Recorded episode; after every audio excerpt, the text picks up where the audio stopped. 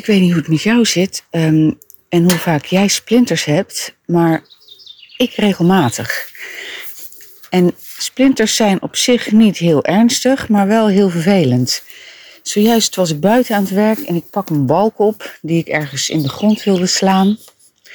En ik trek hem naar me toe en er schiet zo een splinter van, nou, een halve tot een hele centimeter. En ik weet dat dat niet heel lang is, maar voor een splinter in je ringvinger is dat een flinke joekel. Die schiet dus zo wop mijn vel in. Oh.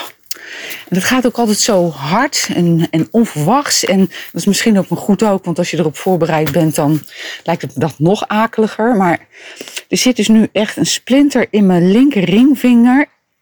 Ja, zo ja, onderaan het topje aan de binnenkant.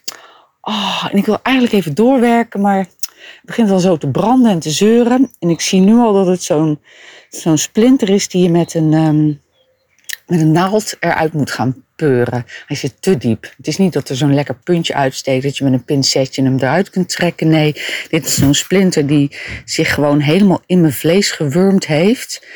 En dat je dan eerst het eerste stukje vlees met een naaldje open moet maken. Dan een beetje met dat naaldje in die splinter moet prikken om hem een beetje omhoog te trekken. En dan pas met een, um, met een uh, pincet eruit kunt trekken. En trouwens in de hoop dat hij niet halverwege afbreekt, want dan moet je nog dieper. Ja, het is trouwens misschien echt een heel smerig verhaal, maar ik, het gebeurde en ik denk, nou, ik ga er eens iets over zeggen. Ik weet niet hoe het met jullie zit. Hebben jullie wel eens splinters? Ja, van die grote, dikke splinters die eigenlijk meer op, op boomstammen lijken.